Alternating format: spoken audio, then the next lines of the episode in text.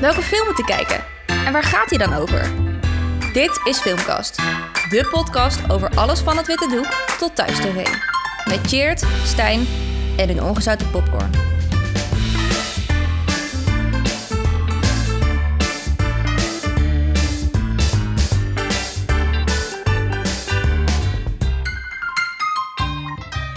We zitten hier bij Cheer thuis op de bank. Het zal buiten niet veel warmer zijn dan een aantal graden. Het is eigenlijk perfect filmweer. Eh, de oliebollen, die zijn net op. Eigenlijk de, de appelbeignets. Hè. Ehm, de televisie, die eh, veel te grote televisie bij Cheert op de kamer, die staat aan. Uh, is aangeweest voor 2 uur en 10 minuten. Ehm Cheert doet de verwarming thuis trouwens niet aan, dat jullie dat heel even weten. Hè? Dus het is soms wat oncomfortabel koud hier, maar daar kleden we ons op. En we zijn eigenlijk klaar voor deze podcast. Ja, we gaan naar Lyon kijken. Het is een film uit 1994, gemaakt door Luc Besson, een Franse regisseur. En eigenlijk verwachten we misschien een echte Franse film. Maar dat is het helemaal niet. Het is gewoon eigenlijk een Amerikaanse gangsterfilm. Dus we hebben Luc Besson, die met zijn Europacorp uh, een paar jaar later... dus een van de grootste Europese filmmaatschappijen... die Teken 1, Teken 2, Teken 3, The Fifth Element heeft gemaakt. Allemaal na deze film. Een van zijn grootste, misschien wel zijn grootste... Uh, en een van zijn eerste films. Natalie Portman maakt een, uh, maakt een entree. Die heeft nog nooit in een film gespeeld. Haar allereerste film. Ze is gecast uit, uit 2000 andere meisjes... Uh, en ze doet het fantastisch. Daarnaast zie je ook helemaal terug uit uh, Batman, terug uit uh, Harry Potter, Gary Oldman. In een rol die ik persoonlijk heel erg vind lijken op de knotsgekke rollen die Edward Norton wel eens heeft vertolkt. aan deze film ga je zien dat deze acteurs voor het vak in de wieg gelegd zijn. Dit is niet een one-trick pony. Dit is niet een Kevin Spacey die altijd dezelfde doet. Ook al is die hartstikke goed. Maar deze acteurs kunnen werkelijk alles. En daar gaan we naar kijken, naar de extended versie. Met wat uh, rare scènes misschien tussendoor. Maar die er zeker bij passen. Ik heb er in ieder geval ontzettend veel zin in.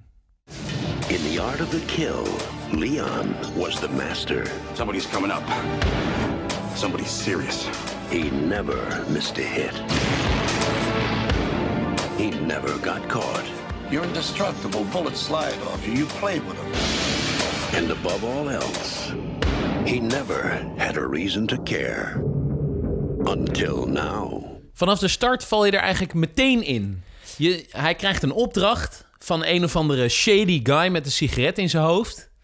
En uh, je, denkt, je, denkt, je denkt, wie is deze gast? Ja, en ik vind dat je een beetje op het verkeerde been wordt gezet uh, meteen aan het begin. Want de rest van de film vind ik eigenlijk heel anders dan het begin. Het begin ja. is echt een soort James Bond. Uh, je, je, ziet niet wie eigenlijk deze man is. Maar het is duidelijk, hij krijgt een opdracht en die voert hij gewelddadig goed uit. Ja, dit is, maar dat is inderdaad het doel van dit eerste stuk. Om je in ieder geval eh, hij heeft natuurlijk een hele geschiedenis. Dus we moeten even, in 10 minuten, moeten we zijn geschiedenis weten. Ja. En dat is, tenminste waar het volgens mij op neerkomt, is hij krijgt een opdracht en zonder vragen voert hij die uit.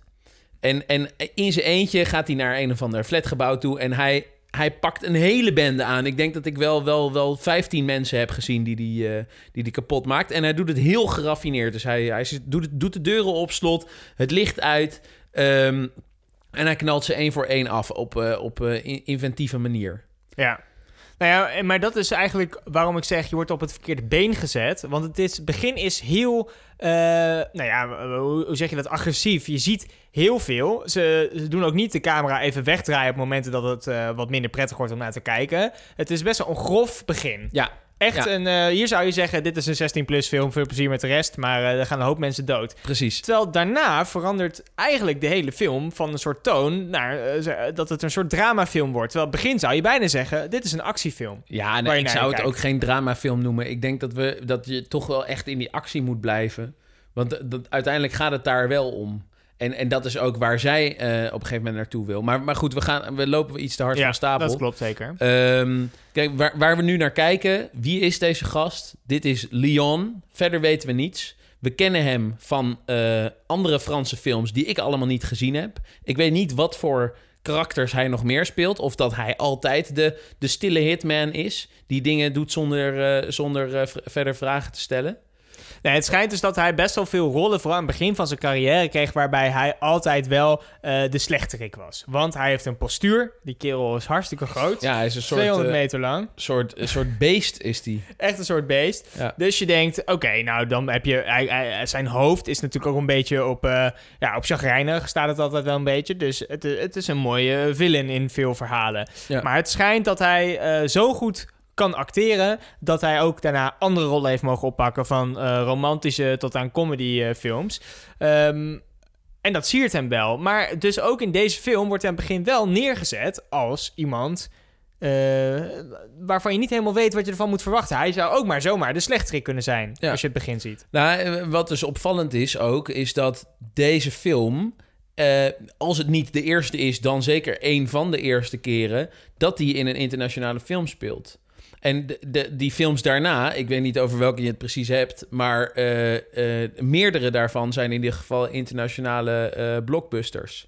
En de films van hiervoor, dat zijn allemaal Franse films. Het is ook een Franse guy, dus we, we hebben het nu over Jean Reno. Ja. Hij is geboren in Frans sprekend Marokko van Spaanse ouders. Hij heet eigenlijk Juan. Hij heeft uiteindelijk, uiteindelijk heeft hij zichzelf Jean genoemd. En hij eh, is in contact gekomen met de regisseur Luc Besson, een, ook een Franse regisseur, die van deze eh, toch eh, echt pure Amerikaanse film.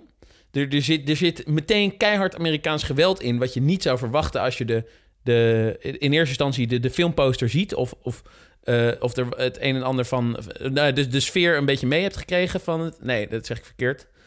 Ehm, puur die filmposter, daar ging het mij om. Daarop Ja. heb ik die... eh, mijn oordeel eh, gebaseerd Ja. toen. En het, het is heel anders. Het is dus veel Amerikaanser eh, dan je zou verwachten. Het, het is eigenlijk deze Fransman... die als een soort vreemde eend in de bijt in Amerika. En daar lost hij blijkbaar de, de vuile klusjes op ja. van de Amerikanen. Maar het is grappig dat jij zegt, het is een puur Amerikaanse film. Want ik vind ook, als je naar het begin kijkt... die sfeer is inderdaad heel Amerikaans. Eh, de look is ook heel erg Amerikaans. Ehm, maar Zeker die 1994 Ja, klopt. look. Het is echt Die eh, oude die gangster. tijd Ja. dat je denkt, oké. ehm, ja, loop ik weer iets hard van stapel, maar ik vind dat dat verandert in de rest van de film. Maar inderdaad, je wordt aan het begin wordt je echt geïntroduceerd dat het een, eigenlijk een Amerikaanse gangsterfilm. Zo komt het eruit te zien. Je hebt een heel stereotyperend eh, dikke ja, bad guy eigenlijk aan het begin. Die moet een boodschap eh, duidelijk worden gemaakt. Nou, daarvoor wordt hij dan eh, geroepen. Je ziet hem eh, op hele professionele wijze zijn hele team uitschakelen. Tot hij aan het einde een boodschap duidelijk maakt tegenover de persoon waarop het gaat. En dat is eigenlijk de hele introductie van hem. En daarna staat hij in de metro. Dus het is eigenlijk een verhaal ook wat je aan het begin te zien krijgt. Eh, die verder weinig met de rest van het verhaal te maken heeft. Ja, en, en toch zit er een bepaalde hint wel in, vind ik. Want eh, in, in, eh, verderop in de film komt er een gast voor... die door Gary Oldman gespeeld wordt. En die is knettergek. Ja, klopt. Dus, dus die, die, die moordt omdat hij het leuk vindt. En, en omdat hij zich verveelt. ja. En dat doet deze Lyon doet dat niet. Want eh, eh, eh, er is geen moment dat je denkt dat hij dit echt voor de lol doet. En zelfs op het moment dat hij dus die, die, die dikzak kan pakken... dat hij zijn mes bij zijn keel heeft... en zijn opdrachtgever zegt... maak het hem duidelijk en laat hem leven... dan is hij ook meteen weg. ja. En, en dan, dan zie je hem niet nog even een, een trap nageven. of, of alsof hij het doet voor, voor de lol van het moord. Hij doet het puur voor de, voor de zakelijke kant. En dat vind ik wel een aspect wat in de rest van de film heel erg duidelijk wordt gemaakt. Dus dit, dat is wel de hint al. Eigenlijk in die eerste tien minuten word je al meteen meegenomen van ehm, eh, schrikreactie op, op, op een, een, een moordmachine naar eh, iemand die het ook maar voor zijn werk doet. Ja, en misschien inderdaad goed om te zeggen, wij hebben dan de extended eh, editie gekeken van deze film. Dus die duurt iets langer dan het origineel. Het origineel duurt 1 uur 50 volgens mij, deze duurt 2 uur 10. Ehm, waardoor dus het intro, ik weet niet hoe dat in de, in de originele versie ooit was, maar het intro duurt bij ons zelfs wel 10 minuten. 10 minuten Ja. is best wel een fors, forse introductie ehm, eh, voor, zeg maar, waar je zegt het verhaal, dat heeft wel iets mee te maken. Maar dit gaat puur om hem even te introduceren met wat voor een guy dit eigenlijk is. En daarna begint het eigenlijk echt pas. Ja, en dat gaan we in de rest van de film ook zien. Dat, de, dat bepaalde momenten die heel, heel karaktervol zijn, dat die juist uitgerekt worden. En ehm, daarom vind ik het ook zo jammer dat zoveel mensen de, de verkorte versie gezien hebben, The Professional. Want die hebben dus niet de echte eh, bedoeling van de regisseur gezien. Die hebben een snelle hapsnap eh, Hollywood-film gezien. Dus ik, ik ben heel benieuwd naar hoe je de rest van de film ook gaat vinden. An innocent girl with no one else to turn to. What exactly do you do for a living? Cleaner. You mean you're a hitman? Cool. Nou, op een gegeven moment krijg je dan de introductie van Mathilda. Daar draait natuurlijk de hele film om onze Natalie Portman. Ja, Natalie Portman is hier eh, nog geen 12 jaar. Ze, ze- jaar. Ze, zegt in de film dat ze 18 is. ja. Nou, dat had ik bijna geloofd. Ehm, maar dat is meer omdat ze. eh, zij, zij is nu. eh, het is nu 26 jaar later of Ja. zo. Dus ze zal nu 38 zijn.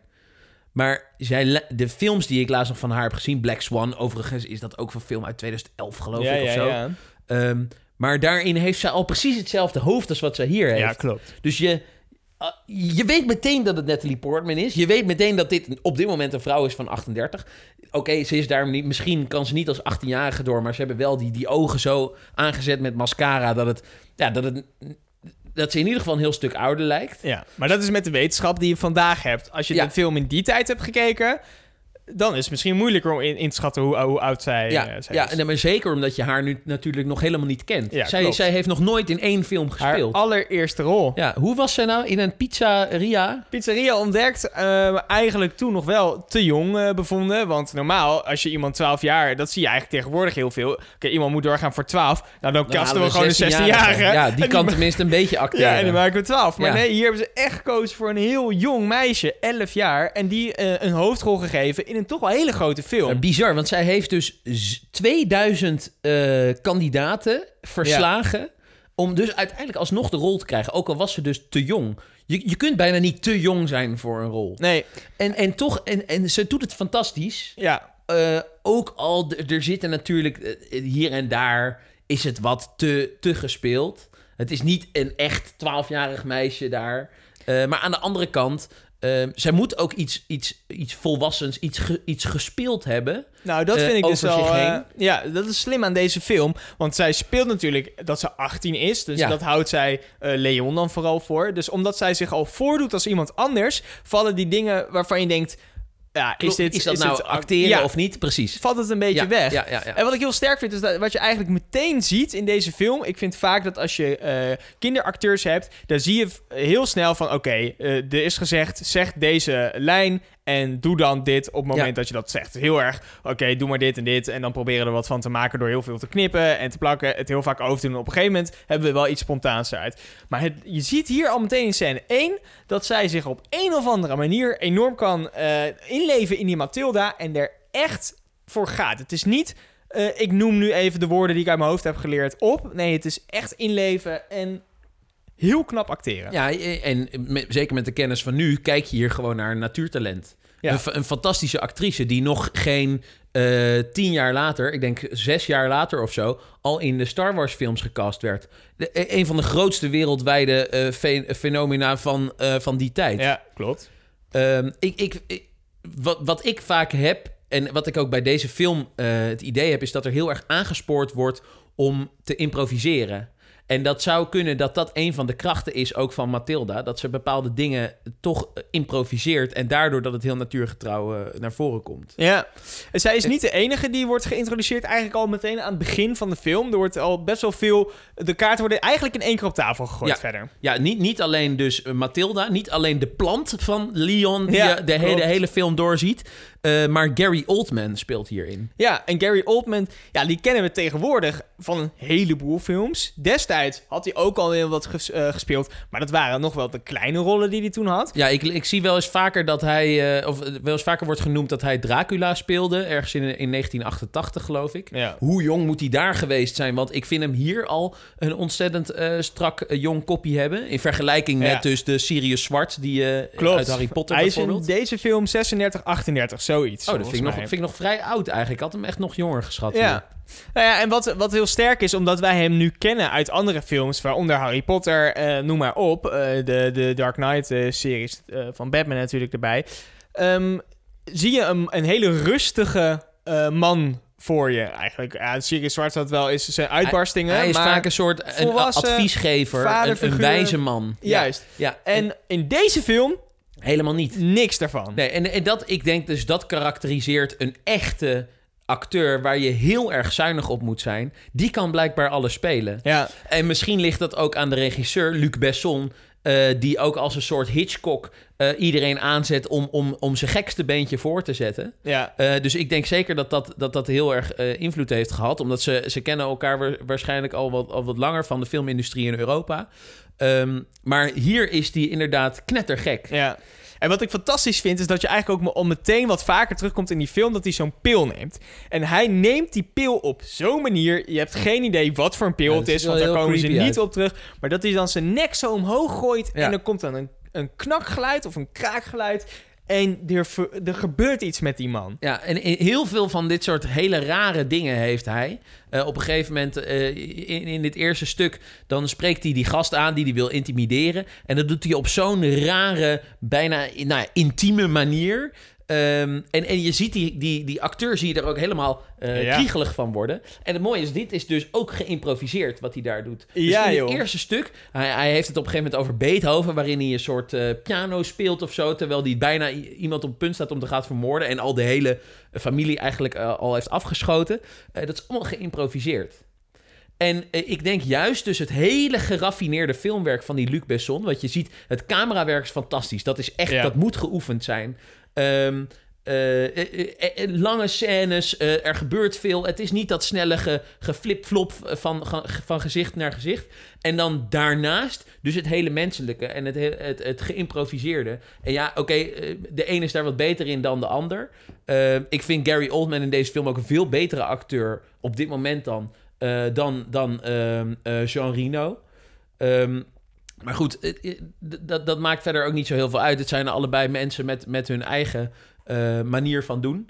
Eh, maar zeker de combinatie Luc Besson en eh, Gary Oldman is deze film, film goud waard. Ja, en wat eigenlijk ook prettig is in deze film, is na die introductie van 10 minuten die je hebt gehad, waarin Leon echt wordt geïntroduceerd, wordt eigenlijk wat ik aan het begin al zei, alle, alle kaarten komen nu op tafel. Je weet eh, welke kaarten gespeeld zijn, dus er is opeens een verbinding tussen Leon en Mathilda. Eh, die vader die heeft eh, iets verkeerd gedaan. Je kent al eigenlijk degene die, nou ja, die, die de grote nemesis eigenlijk gaat worden van die Mathilda. Hè? En eigenlijk zijn alle kaarten gespeeld. En daar hoef je ook verder niet heel lang voor te wachten tot er verdere invulling daar komt. Want letterlijk een paar scènes later wordt die hele familie, nou ja, beëindigd. Perfect assassin. I need you to help me, Leon. I want to get those dirtbags who killed my brother. With someone to finally believe in. Change ain't good. Remember that, Leon. Zij komt dus eigenlijk in een, een hele verwarrende situatie bij Leon terecht. Want eigenlijk voor haar ogen is haar familie...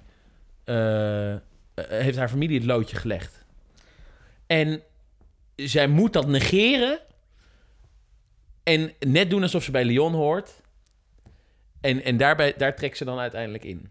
Ja, wa- wat eigenlijk waar, waar het soort van de film nu op aankomt, is eigenlijk een heel lang traject. Waarin heel veel verschillende dingen gaan gebeuren. Aan het begin zie je inderdaad, zij komt bij Leon. Leon die weet totaal niet hoe hij daarop moet reageren. Want dat is een eindselganger. Dat is ook het ding met de plant. Hè? No roots. De plant heeft no roots. Hij identificeert zichzelf enorm met die plant. Ja. Zorgt er heel goed voor. Heel fijn, want gewoon lekker alleen. Hij heeft alles op orde in zijn leven. Lekker alleen. En dan opeens moet hij toch voor iemand gaan zorgen, zo Ja, lijkt het. Iets wat hij eigenlijk nog nooit gedaan heeft. Want het, het idee is, denk ik, dat hij uit eh, die, die, dat, dat land komt waar hij vandaan komt. Waarschijnlijk Frankrijk in deze zin. Of Italië is het, geloof ik. In, hij is eigenlijk een Italiaan. En hij komt hier in Amerika en hij gaat klussen oplossen en that's it. Dat is alles wat hij doet. En dan in één keer wordt een andere rol op hem gelegd. Dus een soort vaderfiguur waar hij in eerste instantie ook totaal niet mee akkoord gaat. Maar Matilda dringt zichzelf eigenlijk aan hem op. Want ja, er is een probleem. Er is een of andere gangstergroep die, eh, die haar eh, vader, of haar broertje in ieder geval, daar ging het om, heeft gedood. En die wil zij terugpakken. En daarom wil ze bij hem in de leer om ook een soort, soort hitgirl te worden. Ja, ja je ziet, zij zit in een onmogelijke situatie. Ze zegt ook, ja, als ik nu alleen de straat op ga, dan ben ik morgen dood. Want er wordt nog steeds redelijk naar haar gezocht. Eh, uiteindelijk door, door, die, door die groep. Eh, voor Leon is het ook een onmogelijke situatie, want hij wil het helemaal niet. Toch vind ik vrij snel dat ze vrij snel van het punt gaan van... dit is een onmogelijke Ja. situatie naar... oké, we hebben het geaccepteerd, we gaan ermee door. Ja. Want dat duurt misschien in de film twee minuten. Ja, en Eh, de overgang is inderdaad, ook die overgang pusht zij weer. Hè? Dus, dus eigenlijk is geen, enkele, eh, geen enkel besluit als het op Mathilde aankomt van eh, Leon. Nee, je ziet wel dat hij er heel erg mee, eh, mee- ja, aan het twijfelen is. Want eh, er is een moment in de film dat hij zelfs een pistool op haar hoofd zet als zij aan het slapen Dan is. denkt met, hij, dan is het, dan is, het klaar. Ook voor haar, ook voor mij. Dan is het mooi geweest. Heeft ze geen pijn. Ja. En toch dat besluit hij dat niet te doen. Nee, de coole kikker die hij eigenlijk is. En Ja. dat kan hij dan dus weer niet. Nee, en dan zegt hij dus wel nog die volgende ochtend met... je moet nu je spullen pakken, het is mooi geweest. En eigenlijk, als je dan een minuutje niet kijkt... daarna lopen ze hand in hand over de straat van New York. Ja, dan, dan zou je eigenlijk niet kunnen raden wat er in de tussentijd gebeurd Nee. is. Nee, dat is maar waar. toch zie je op dat punt al wel dat, dat hij iets in haar ziet... waar hij of een soort van respect voor heeft... of dat er iets bijzonders met haar is. Want dat moment dat zij met een pistool uit het raam gaat schieten... dat is eigenlijk een beetje het keerpunt. Ja, ja, en dat is dus dat is wat ik bedoelde. Die, dat is haar keuze weer. Om hem aan haar te binden. En dat, dat loopt een heel, heel stuk in deze film. Eigenlijk de relatie die zij opbouwen als... Ja, hoe moet je het noemen? Toch een soort vader-dochter relatie. eh, waarin zij vooral de touwtjes in handen heeft. Ja. En waar zij eigenlijk... Hij wil in ieder geval de afstand van vader-dochter bewaren. En je ziet aan haar dat zij juist meer wil. Zij denkt misschien wel dat dat de bedoeling is. Dat vrouwen zich zo horen te gedragen.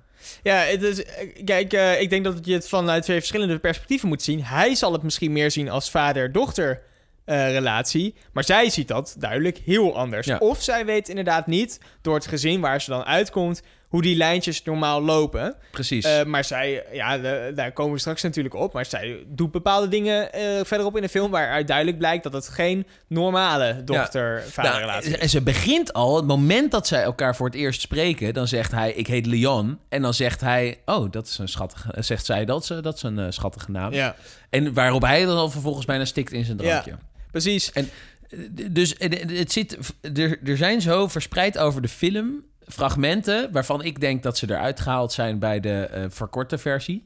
Dat was ook een beetje het idee, toch? Dat, dat het allemaal wat te heftig was. Ja. Zo'n klein kind.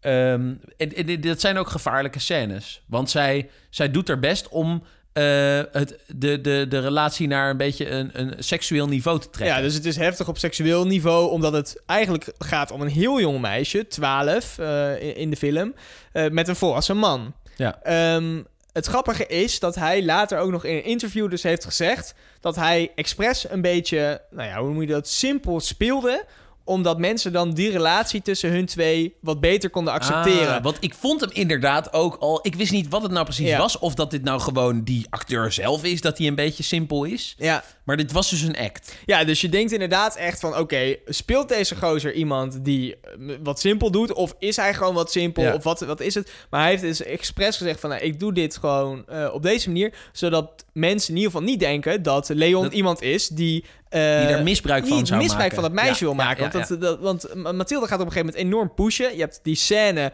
waarin zij verschillende outfits aantrekt. Precies. Eh, Marilyn Monroe. ja, en dat, en dat gaat echt... Het gaat ver. Als je bedenkt dus dat het iemand Ja. is die gewoon En- elf is. Precies. En, en als, stel dat Leon wel gewoon een normale... Een beetje een Tom Cruise-achtige man was Ja. geweest. Charismatisch.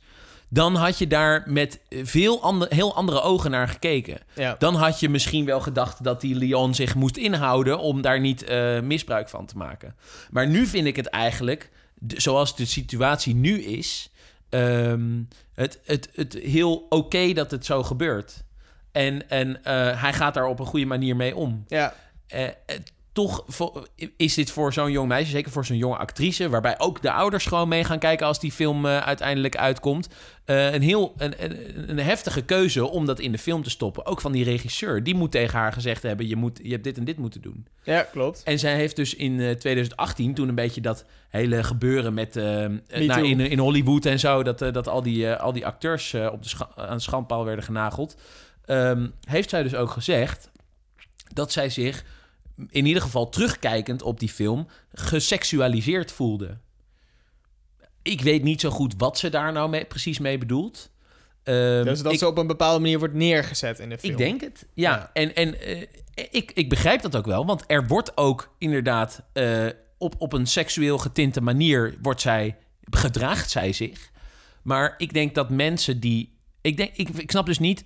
Ik weet dus niet zeker of Natalie Portman dan ook echt wel begrepen heeft waar die rol om gaat. Want die rol gaat er niet om dat het zomaar een meisje is die in één keer in de ondergoed staat. Die rol gaat erom dat het meisje niet snapt hoe ze zich moet gedragen. Niet weet hoe de volwassen wereld is. Zij is opgegroeid, haar moeder is prostituee of wat dan ook. Haar vader dealde coke.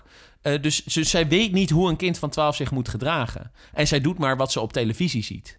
Ja, En klopt. juist om dat in die film te houden, dat is heel waardevol. Ja, en het, en het is ook grappig, want je ziet in die scène dus dat zij die verschillende outfits aantrekt, dat, je, dat Leon niet helemaal weet wat hij ervan moet vinden. Dat eigenlijk, als je ernaar kijkt, weet je niet heel goed wat je ervan moet Je vinden. weet absoluut niet waar het naartoe nee, gaat. en daarmee bouwen ze het, de, ze bouwen een bepaalde spanning op, op dat moment.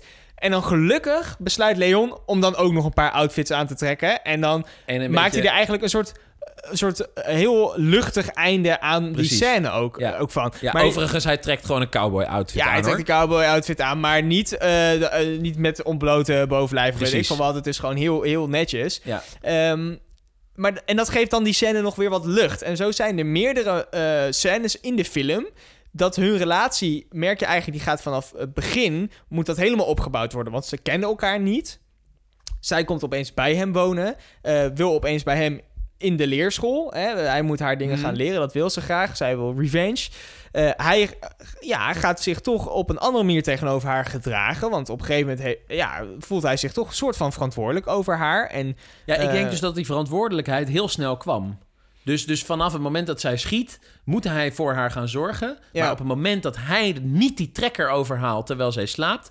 dat is het punt dat die verantwoordelijkheid is en blijkbaar blijft. ja, Tot, tot het einde waarin hij eh, praktisch haar leven redt. En dan vraag ik me toch af, zit op een gegeven moment dat, dat, eh, dat stukje in nog redelijk aan het begin, dat, hij, dat zij erachter komt dat hij niet goed kan lezen en niet goed kan schrijven, omdat hij de taal nog niet Mhm. helemaal eh door heeft. Dan vraag ik me af of ze dat er dan in hebben gedaan, zodat, zodat het misschien lijkt zodat hij ook nog wat aan die setup heeft. Of Ja, dat- precies. Dat Dat, hij- ze elkaar allebei een beetje helpen in het beetje leven. helpen, ja, dat, dat er niet eentje dat, dat echt alleen maar degene is waarvan het moet komen... en de ander alleen maar de ontvanger. Juist, precies. Ja, maar ja. dat, dat eh, wordt ook niet helemaal duidelijk verderop in de film. Ehm, maar zoals zei je dus, je, hebt, je gaat meerdere scènes eh, meemaken waarin je hun relatie heel duidelijk ziet ontwikkelen. En wat die relatie dan precies is, dat is heel moeilijk te definiëren. Die is eigenlijk elke scène weer anders. Je hebt heel vaak inderdaad de vader-dochter relatie. Maar je hebt ook zo vaak dat zij een, opeens een hele rare opmerking weet te plaatsen richting hem. Wat meer dan richting, eh, nou ja, zij ziet hem op een gegeven Zij is een soort van verliefd op een gegeven moment op hem. Ja. Ja, en dat eh, uiteindelijk, dus die, die climax zit, zit op het einde, waarin zij ook nog een, eh, een bijzondere opmerking maakt. En dat is dat ze zegt: ehm, eh, Ja, je moet wel voorzichtig zijn, want ik heb het nog nooit gedaan. Ja, precies. Ja. Dus ik wil dat mijn eerste keer, ja. nou ja, goed is. En, en, en daar zie je hem ook wederom dat hij daar geen houding op weet te, te nemen. Gelukkig en, maar. Ja, precies. En daar, daar ben ik heel erg met je eens. Dat als ze inderdaad een soort Tom Cruise-achtig figuur in die rol hadden gezet. En ook al had Tom Cruise dan gezegd nee, dan was het Ja, dan alsnog. had hij wel gewacht tot ze 16 was. nee, dat weet je niet. Maar dan was het alsnog weer zo heel ja, stereotyperend. De knappe man. En nou ja, dan wel te jonge meisje. Maar dan was daar toch wat te spelen. Terwijl zij echt. eh, ja, zij weet eigenlijk niet beter. En zij houdt zich nog steeds een soort andere houding voor. Omdat ze ja, of ergens heeft gezien dat dat normaal is. Of van haar ouders het idee heeft dat dat normaal is. Maar je merkt in ieder geval dat zij heel erg zichzelf ook op een bepaalde manier gedraagt. En dat het niet haar eigen, per se, eigen gedrag is. Nee. En dat komt ook weer vanuit voort. Ik ben al 18, terwijl ze 12 is. Ja. We're about to come face to face with the cop who's crossed the line. Bring me everyone. What do you mean, everyone? En dan is er nog de andere kant van het verhaal. En dat is de cleaner school. Ja, ze leert heel goed schoonmaken. Ja. zij, zij benadert hem natuurlijk omdat ze wil leren die gasten eh, om het leven te brengen. Ja. Die, die haar eh, broertje hebben gedood. En eh, daarvoor wordt eigenlijk best wel veel de tijd genomen. Op een, op een hele goede manier. Ja, de, je merkt echt dat de regisseur de moment heeft gekozen waarvan hij denkt... dit wil ik uitlichten, hier neem ik alle tijd voor. En dit zijn de momenten waar ik even wat sneller overheen kan. En je merkt eigenlijk dat die, die- nou ja, wat we al zeiden... die relatie tussen die ontwikkelt zich heel erg snel. Op een gegeven moment komen we dan op het moment... in die leerschool ook... dat zij voor het eerste keer met een eigen wapen mag gaan eh, schieten. Ja, zij krijgt de, het allereerste wapen, blijkbaar, wist ik ook niet. Eh, van, als, je, als je wil leren eh, Ja. mensen doden, eh, dan moet je beginnen met een sniper. Ja, uiteraard. Immers, hoe langer de afstand is tussen de, de moordenaar en de, het slachtoffer, eh, hoe, hoe ehm, nieuwer je bent in de leerschool eigenlijk. Ja, dat Dus is ook wat Leon aan haar uitlegt. Ja. Hè? Dat is de theorie die ze graag wil weten. Precies. En nu gaat ze over Ja, op de praktijk. Ze krijgt af en toe, af en toe wat theorie. Ehm, dus ze gaan met die sniper gaan ze naar een of ander dak in New York. Wat wat mij betreft de, het prachtigste shot is uit de hele film. Wat denk je, hè? Is, is dat shot... Is, is dit echt in New York opgenomen met New York op de background? Of is dit op de achtergrond New York neergelegd? Dat is, dat is een goede vraag. Ehm, aan de ene kant kun je het je eigenlijk niet permitteren dat je daar een hele crew neerzet, dat shot gaat doen, alles hebt voorbereid en het regent. Ja. Of eh, er gebeurt iets, eh, eh, het licht is niet goed, wat dan ook. Aan de andere kant lijkt het me wel heel erg iets voor Luc Besson Ja, om, dat dan wel te doen. Ja. ja. We zullen het nooit weten. Nee, maar ik, ik geloof graag dat het gewoon echt gebeurt. Dus ik heb geen greenscreen ontdekt. En die greenscreens waren echt, echt heel duidelijk in die Ja. tijd. Ehm, maar zij gaan dus op dat dak liggen. En, en daar zie je inderdaad dat hij nu in één keer de tijd neemt. Dus waar op andere momenten ehm, is eigenlijk het, het object wat het eh, plot verder doet gaan een pak melk. Dus iemand moet Ja. een pak melk halen en, en vervolgens zijn ze in de volgende scène. Wat ook een, een Hitchcockiaanse truc is, dat heet namelijk een MacGuffin. Dat is een object waar, waar totaal helemaal niks Ah, ja. over verteld wordt. Oh. Net zoals die plant. Ja, ja, ja. En wat toch het, het plot verder laat gaan. Ehm, zij, zij schrijft zich of, overigens op een gegeven moment in dat hotel in, ook onder de naam MacGuffin. Dus, dit is, Ah, dus, dus is hij, Luc Besson is echt een, een, een fan van, van Hitchcock. Ehm, maar goed, hier liggen ze dus op het dak en ze gaan schieten. En hier wordt in één keer de tijd voor genomen. Ze gaan rustig het, het, het Ja. slachtoffer uitzoeken. Ehm, maar ze doen het op zo'n manier. Het is zo goed dat je, je wil meteen weten wat er de volgende seconde gebeurt. Ja. Je zit op het puntje van je stoel. En, en het, wordt, eh, eh, eh, het duurt nog een keer een seconde. En nog een Ja. keer en nog een keer. En je, je weet wat je verwacht. Want de hele film zie je al dat hij gewoon mensen... Zij, Het, er, wordt geen, er worden geen doekjes omgebonden. Het is pamboom. zij klaar. wordt gewoon een hitgirl met een big daddy. En Ja. ze, ze krijgt een vlindermes. En ze, en ze, ze, tjak, tjak, tjak, ze, Ja. ze maakt iedereen dood. Toen wij, toen, toen wij die film keken, maakte jij de verwijzing naar Kick-Ass, inderdaad. Ja, Kick-Ass, dat meisje, was ook opeens Killer Girl. 12 jaar. Maakte niet uit. Het ging allemaal goed. Ook met de vader. En eh, die deed hetzelfde. Die, Dus- zij, zij was eigenlijk nog, nog heftiger dan haar vader. Nog Ja. enger. Het verwachtingsmanagement was op dit... Ja, je dacht, die kerel die gaat zo neer. Ja, ja, ja. Maar toch, en, maar de spanning van gaat het gebeuren of niet? Ik Ja. weet niet precies wat het is, maar ze hebben het ontzettend goed gedaan. En dan het, het moment suprême. Ja. En, en het is een verfklodder. Ja, het is een verfvloer, dus er, er gebeurt verder niks. En dat is ook prima, dat was de bedoeling. Hij zegt meteen, mooi, klaar. Zij zegt, mag ik nu echt? inpakken, Nee, nee, naar we huis. gaan weg. Ja, en eh, ook die spanning die op zo'n moment wordt opgebouwd... waarvan je eigenlijk denkt van, nou, dit, nu gaat het gebeuren. Dus dit is haar eerste keel. Dan is ze klaar om eh, verder te gaan. En misschien wel de missie waarvoor ze eigenlijk begonnen is te gaan doen. Dus achter eh, die bende aan die haar broertje dan hebben omgebracht. Maar nee, het, het blijft er allemaal nog even bij. Precies. En op dat moment, eigenlijk daar, maak je de omkanteling naar het einde van de film. Waar die aan het begin ook mee is begonnen. Dus het begin was lekker actie. De sfeer is ernaar, de muziek is ernaar. Daarna kom je in de verhaalmodus. En aan het einde heeft de regisseur Ja. weer gedacht... ik ga hem goed afsluiten. Ja, en, wat, wat, wat dan inderdaad belangrijk is, is dat zij wordt het nooit. Zij wordt nooit die killer die ze had gewild. Nee. Dus, dus je verwacht inderdaad halverwege de film dat... dat, dat, dat ja, nooit weet je niet. In ieder geval niet, Nee, niet- op niet deze leeftijd. Ja, en, eh, Precies, Dat kan maar zij wordt het niet. Eh, en, en uiteindelijk is Leon inderdaad degene, hoe die ook geïntroduceerd is. Hij is uiteindelijk de man van het moorden. Hij neemt dat op zich. Ehm, alleen, de- de- dus als een soort hamburgerbroodje pakt, pakt die het sentimentele midden in.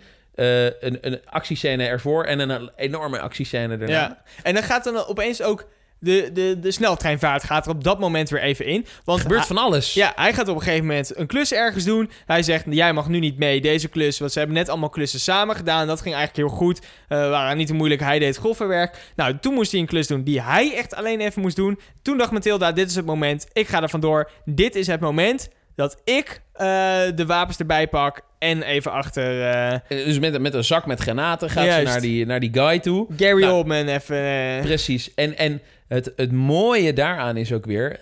die Gary die is zo gestoord. Op een gegeven moment komen ze elkaar tegen. Ja, dat vind En- ik de beste scène uit deze film. Dus die scène dat zij het toiletblok inloopt en je hem al een beetje achter die deur ziet staan en denkt: dit is foute boel. Ja. Hier eh, wordt de ontknoping van de film. En hij doet het op zo'n rustige manier. Ja. Hij, heeft, hij, hij is rustig en eh, hij is zo onvoorspelbaar. Ja. Daarom is hij zo ontzettend eng.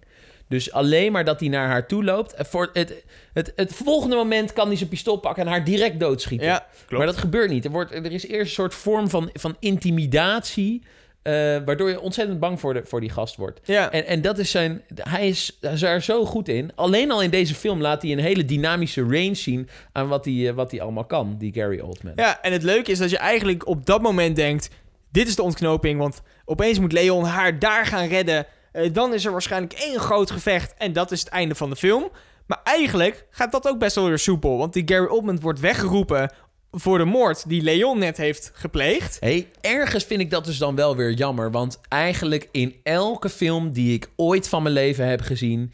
is het. Er komt een moment dat de, de, de, de, eh, de al- protagonist. in het nauw gedreven wordt. Er is geen uitweg. En dan is er altijd iets makkelijks. Ja, maar het, leuke, of het mooie vind ik wel van dat moment... is dat ze eigenlijk allebei een soort van hun eigen kant heel even opgaan... op dat moment van de film. Hè. Hij gaat een klus doen. Zij denkt op dat moment, mooi, dan ga ik mijn missie doen. Eh, en het mooie is eigenlijk wel dus dat ze blijkbaar door de rest van de film... zo met elkaar toch zijn verbonden... dat zijn acties toch ook weer invloed hebben op haar. Ook al zijn ze niet in dezelfde ruimte. Ja, en het interessante is ook nog dat uiteindelijk gaat die Gary Oldman naar die, die Tony toe. Ja. En die zegt, ja, Tony, je hebt vaker klussen voor mij gedaan. Ja. En dan denk je, wacht eens even, Tony's klussen zijn eh Leon's klussen. Dus ook daarin heeft Leon waarschijnlijk ook weer klussen voor, voor Gary Oldman, eh Ja, Oldman het, gedaan. da- daardoor wordt het heel mooi. Heel veel touwtjes die eigenlijk de hele film nog een beetje loshangen... op dat moment aan elkaar geknoopt. Ook met die Tony inderdaad wat je zegt. Eh, maar het moment dat zij daar in het nauw is gedreven... daar komt ze eigenlijk vrij makkelijk uit door die Leon. En je denkt op het moment dat Leon daar aankomt... eh, van, oh, dit is foute boel, nu gebeurt er wat. Maar eigenlijk neemt die Leon haar vrij makkelijk weer mee naar buiten. Ja, ik vind toch nog steeds dat daar, daar moet Hollywood een keer een goed alternatief, voor vinden. ja. Want dit, ik, ik snap dat je het spannend wil maken. Ik snap dat, dat wij moeten denken: oh nee, ah, ze gaat dood. Natuurlijk gaat ze niet dood, maar ja, dat weten wij ook wel. Maar verzin er dan eens iets interessants op. Ah, ik vond het mooi dat ze, dat ze je soort van op het verkeerde been zetten. Want ik had echt het gevoel dat daar iets zou gaan gebeuren. Wat uiteindelijk dus nog heel even wordt uitgesteld. Ja, ja. Want ze gaan weer samen terug naar het appartement. En zij gaat melk eh, eh, halen. En uit, uit- eigenlijk begint daar het einde van de film. Ja, en wat grappig is, dus dit, nu gaan we de scène hebben dat er op een gegeven moment allemaal politieagenten voor de deur staan. En eh, blijk, dit, dit is dus wel echt in New York ook opgenomen. Enorme horde politieagenten, allemaal acteurs in pak, zeg Ja. maar. Allemaal, eh, hoe noem je dat soort dingen? Extra's, Ja. eh, de, de figuranten. Die staan daar een beetje donuts te eten, een beetje, te, een beetje koffie te drinken. En natuurlijk is het in New York. Ja, je kunt niet heel New York stoppen voor zo'n Nee, film. Dus, dus er is op een gegeven moment een, een echte dief... die gewoon in New York eh, een of andere overval heeft gepleegd... of iets, iets gejat heeft. En hij rent een hoek om... Ja. en hij stuit in één keer op die groep van figuranten... die Ja, allemaal in politiepak zijn. Dus wat hij doet... Hij geeft zich over aan de Aan die filmcrew. mensen, oh, fantastisch. Oh, dit is ook echt gebeurd Dit is echt Oh, gebeurd. lachen. Ja, ja, ja. ik was er niet bij. Eh, maar goed, maar, eh, dus eh, dat terzijde. Inderdaad, het eindigt met een enorme afsluiter. Weer heel veel actie. Maar het is niet meer zo k- kil als wat het eerst was. Eerst, je kent die, die Leon niet, er wordt geschoten. Maar nu, je, je weet zijn geschiedenis. Je, je weet de, de, de, het karakter wat hij heeft. En dat karakter brengt hij dus ook weer terug in die, die, die scène. Uiteindelijk ehm, redt hij haar. Ja. En zegt hij: Door jou heb ik nu iets om voor Juist. te leven. En oké, hoe cheesy dat ook is, als ik het nu zo zeg, in die film klopt het. Ja, zeker. Want je hebt, zo, zo, zo literair heeft, is zijn karakter wel daadwerkelijk een, een, eh, veranderd. Ja, en je bent ook wel een beetje voor ze aan het rooten, hè? Want voor dat grote vuurgevecht, een paar scènes eh, daarvoor überhaupt, gaat hij nog naar die Tony en zegt... Tony, als er ooit wat met mij gebeurt, dan wil ik dat het geld dat ik heb gespaard... jij moet zorgen voor Mathilda, weet je? Dus je, en, en dan denk je van, oh, nu word je een beetje toch weer de kant op gepoest... en dan gaat iets met hem gebeuren. Maar deze film gaat al zo elke kant op... Waarschijnlijk gebeurt er toch niks met hem. Nou ja, op dat moment in dat appartement gaat het eigenlijk niet lekker, maar komen ze toch nog een, soort goed uit. Eh, op een gegeven moment weet hij heel mooi voor Mathilda een uitweg te vinden. Hè? Dus die keuken ligt half aan gort. Dus Mathilda kan door, nou wat is het, schoorsteen of door de muur in ieder geval naar buiten. Alleen hij past daar niet door. Dan is inderdaad daar dat emotionele moment waar jij het over hebt. En dan denk je toch, het gaat hem lukken. Hij gaat hier ook nog wegkomen, want hij trekt heel slim het pak aan van een politieagent die daar dan op Oh, dat is ligt. waar. Ja, dat was ik vergeten. Hij poelt een beetje aan een Hannibal Lecter. Ja, en dat vond ik echt heel sterk. Want je denkt, nou, dit, dit is het. Die, ja, hij komt hier uit. Hij, hij vindt die Matilda. Ze rennen samen weg. En het is opgelost. Ja, dat geld. is wel goed. Het is echt goed. En ik ben blij dus hoe het eindigt. Dat het inderdaad toch... Hij blijft... Hij sterft in het harnas. Ja, hij blijft zeker. wel in zijn leven als eh, killer. Ja, Zeg maar, hij zal nooit die vader worden die ergens op, op een eiland eh, met zijn kind eh, kokosnoten gaat zitten drinken. nee. Nee, dat vind ik ook. En, da, en ook, dat is eigenlijk het ding wat je aan het begin al een beetje zou kunnen voorspellen. Waar, waarbij je dan tussendoor denkt: nee, dit gaat toch niet gebeuren. Maar inderdaad, dat hij van, vanuit achter eigenlijk wordt neergeschoten door die Gary Oldman. Want die Gary Oldman nog weer een verschrikkelijke gozer maakt. Dan je hem eigenlijk al die hele film vindt. Want je bent zo aan het rooten op dat moment voor die Leon. Hij ziet het licht. Hij is er bijna. En dan toch, die laatste 2, 3 meter, wordt hij nog neergeschoten. Ja. En ja, op dat moment denk je, ja, het kan niet. En dan is het wel heel prettig dat hij die Gary Oldman nog even met zich meeneemt. Ja, met, met de, de ring trick. En wist Ja. je dat er eigenlijk, de eigenlijke scène was dat Matilda opdook en de ring trick deed. Oh, echt waar, ja? Maar, en dat ze de jas opendeed. En dan, Aha. ja, een beetje vies misschien. Nee, maar gewoon met kleren aan. Jas opendeed. Ja. En dat er dus allemaal ehm Granaten. handgranaten. Ja, En dat ze dus met z'n allen... Maar goed, dat vonden ze, vond, vond het testpubliek, Oh, weet ik veel joh. wie, vond dat te heftig. Dus dat hebben ze eruit gehaald. Ja. Maar goed, eind goed. Niet helemaal. Hij is dood, zij leeft. Ja, maar het en nou, eigenlijk een van de mooiste scènes uit die film, wat alles aan elkaar bindt. Die plant die zij meeneemt, weer naar die school gaat. Dan nog Die heel plant veel- die totaal geen... Het slaat helemaal nergens op. van- Er is geen Ik reden waarom die plant gedaan, is. want hij identificeert zich zo met die plant. No roots aan het begin. Die plant staat in een pot. Dat is echt de, No het enige roots. waarmee die... Hij no zorgt roots. Bovendien heeft die die plant, plant. wel gewoon roots. Hij zit alleen in een in pot. pot. Ah, op het moment dat ze, zij die plant dan, eh, eh, ja, die, ja, die plant dan plant eigenlijk in de grond van New York. En hij daarvoor dus al heeft gezegd, jij hebt mij roots gegeven. Ja, dan denk ik, nou, dit is een heel mooi einde. Ook Ja. dat ze het ook eh, v- v- verhaaltechnisch heel mooi afsluiten. En weet je wat de titelsong is? Tenminste, aan het eind van de film, Ja, bij de aftiteling, geen is er één song. Dat is Not the Shape of My Heart van Sting. En wie is Sting? Dat is een Englishman in New York. Hij heeft dat nummer gemaakt. Dat ken je ah, ja, ja, ja, dat ken ik. Hij ja. is de Oh, illegal alien Ja, in New York. En dat is... goed gemaakt, joh. Ja, Ja. top toch? Ja, die, die regisseur heeft hier wel lang over nalopen, denk, denk ik. Over alle losse eindjes in deze film. Ongetwijfeld. Je merkt dat Maar het zo het jammer komt. is wel... Wat heeft die Luc Besson nog meer gedaan? Hij heeft de Fifth Element gedaan. Ja, Eh, hij heeft wat met teken eh, heeft hij gedaan. Hij heeft die Europa Corp, dus die productiemaatschappij opgericht.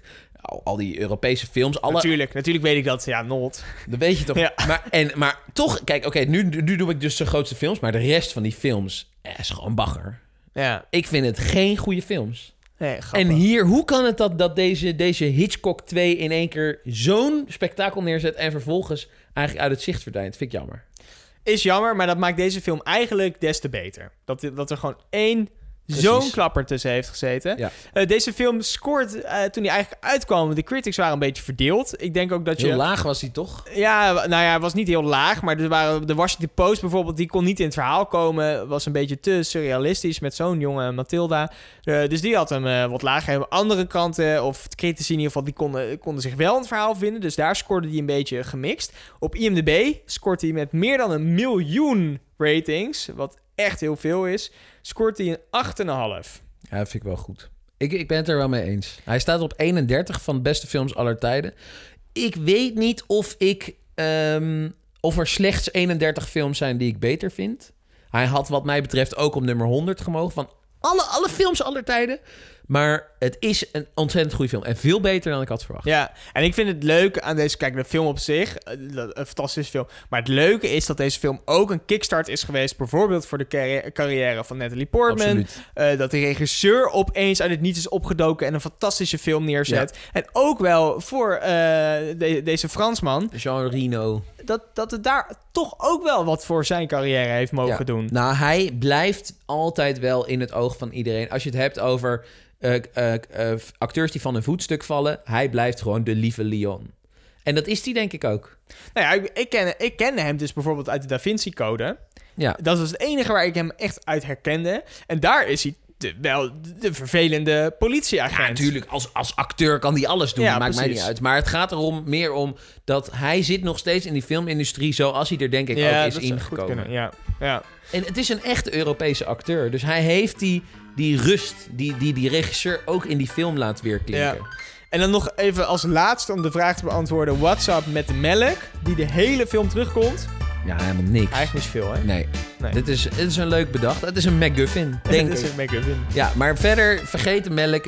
Er zit niks achter. Net zoals dat er niks verder achter die plant zit. Behalve Ja. misschien de no roots. Ik dacht misschien is het nog een soort teken dat hij leeft of zo. Als, als, als zijn opdrachtgever naar hem zoekt.